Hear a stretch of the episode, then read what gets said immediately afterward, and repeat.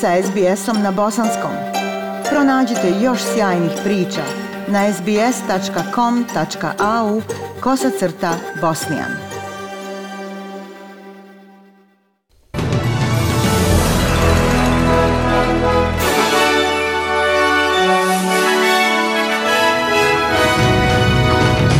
U današnjim vijestima poslušajte. Ruske snage nastavljaju granatirati Kijev, glavni grad Ukrajine. Scott Morrison brani svoj odgovor na poplave i Ben Tadhop imenovan za nosioca zastave Australije na ceremoniji zatvaranja zimskih paraolimpijskih igara u Pekingu. Slušate vijesti SBS radija na bosanskom jeziku. Ukrajinski predsjednik Volodomir Zelenski kaže da je 1300 ukrajinskih vojnika ubijeno tokom borbi s ruskim snagama od početka invazije, ali on tvrdi da je Rusija pretrpjela deset puta veći gubitak. On je razgovarao sa novinarima u Kijevu dok ruske snage nastavljaju da granatiraju ukrajinski glavni grad. On kaže da ako Rusija želi da zauzme Kijev, to će biti po visokoj cijeni. Якщо вони будуть робити коврове бомбардування і просто вирішуть стерти Ako nas sve pobiju, ući će u Kijev. Ako im je to cilj, neka dođu.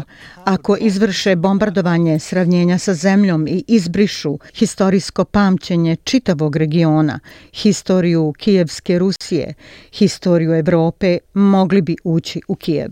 Ljudi koji žive u Mariupolju podnose hladne uslove bez struje i sa malo hrane i vode. Ruska vlada kaže da je Ukrajina odbila gotovo sve njene ponude da obezbijedi humanitarne koridore kako bi ljudi mogli otići iz raznih gradova.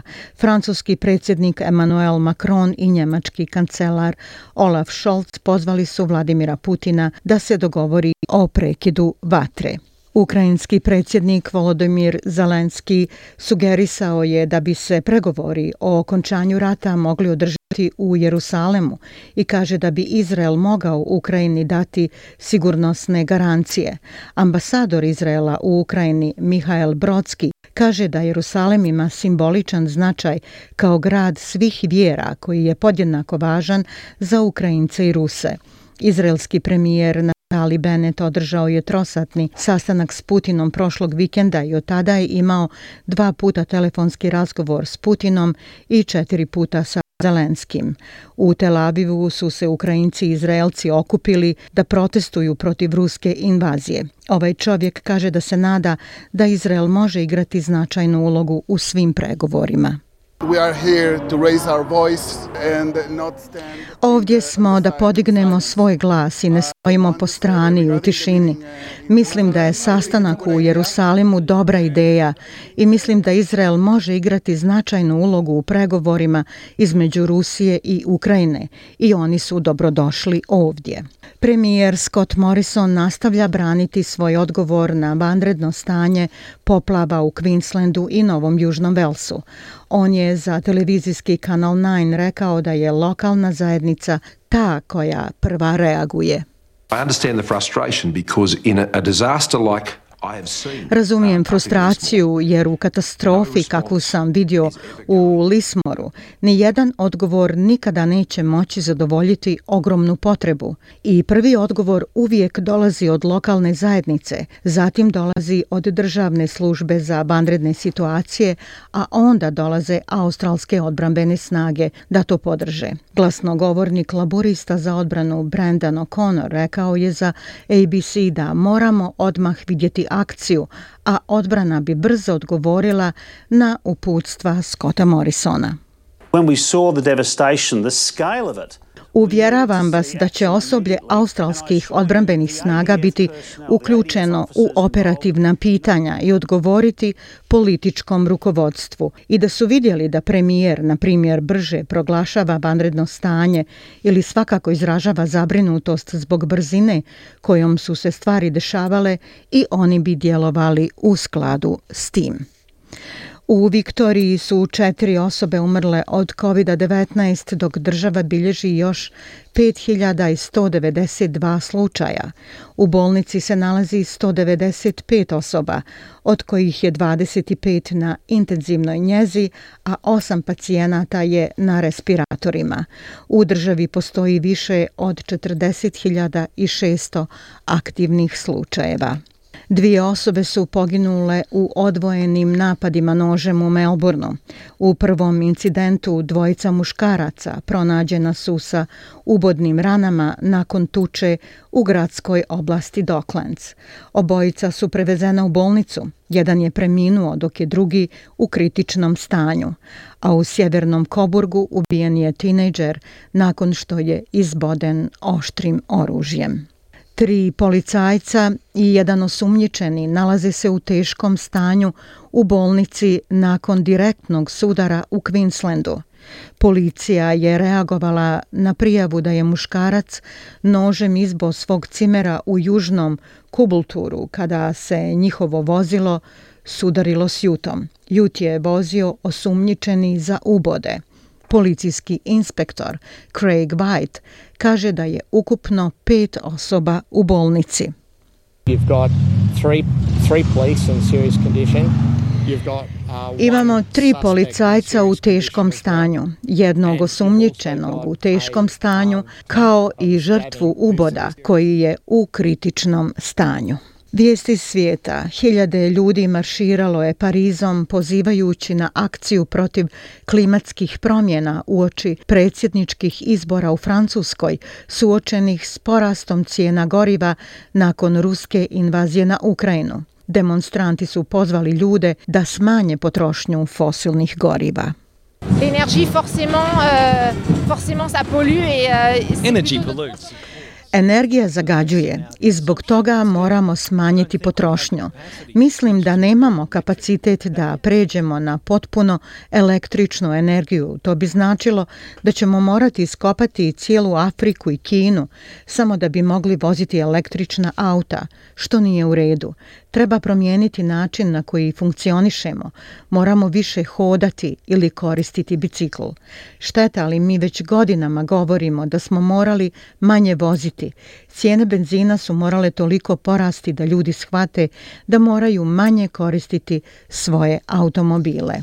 Saudijska Arabija izvela je najveće masovno pogubljenje u svojoj modernoj historiji, usmrtivši 81 osobu osuđenu za različite zločine. Državna Saudijska novinska agencija najavila je pogubljenja rekavši da su među njima i oni koji su osuđeni za razne zločine, uključujući ubistvo nevinih muškaraca, žena i djece. Kraljevstvo je također saopštilo da su među njima neki članovi Al-Kaide, islamske države i podržavaoci jemenskih huti pobunjenika.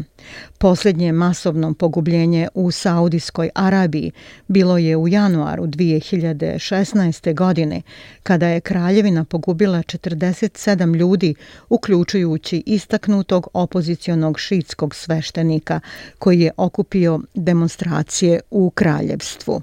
Inflacija u Grčkoj je sada na najvišoj razini u posljednjih 26 godina. Hellenic Statistical Authority, Elstat, kaže da je povećanje inflacije uzrokovano povećanjem cijena prirodnog plina za 78%, povećanjem cijene električne energije od 71%, povećanjem cijene ložulja i goriva i maziva za 41%, cijene uopšte porasle su za 23,2%. Vozače u nekim dijelovima Grčke sada plaćaju protiv vrijednost od 3 dolara po litru za bezolovni benzin.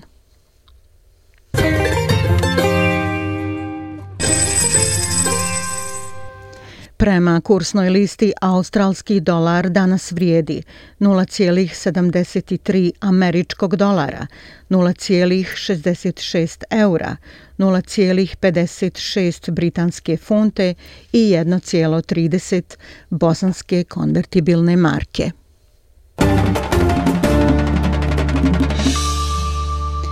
I vijesti sporta. Osvajač bronzane medalje u para snowboard crossu Ben Tadhope bit će nosilac zastave Australije na ceremoniji zatvaranja zimskih paraolimpijskih igara u Pekingu. On kaže da se osjeća apsolutno nevjerovatno što mu je ukazana ta čast a u najjačoj futbalskoj ligi svijeta, engleskom premiershipu, sinoć su odigrani mečevi između Manchester Uniteda i Tottenhema, u kojoj je Ronaldo postigao sva tri gola za Manchester i tako ostvario pobjedu od 3 naprama 2.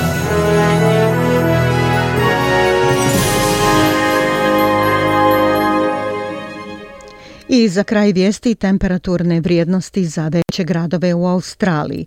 U Pertu 27, dijelimično oblačno, u Adelaidu sunčano 32, u Melbourneu također sunčano 29, u Hobartu 24, Kamberi 25, u Sidneju 25, Brisbaneu 27 i u Darwinu pljuskovi 33 stepena. Bile su to vijesti SBS radija na bosanskom jeziku. Ja sam Aisha Hadži Ahmetović. Ostanite i dalje s nama.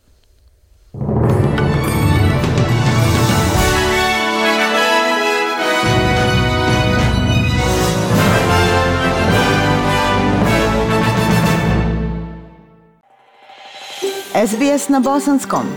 Podijelite naše priče preko Facebooka. Želite poslušati još ovakvih priča? Slušajte preko Apple podcasta, Google podcasta, Spotify ili kako god da primate svoje podcastove.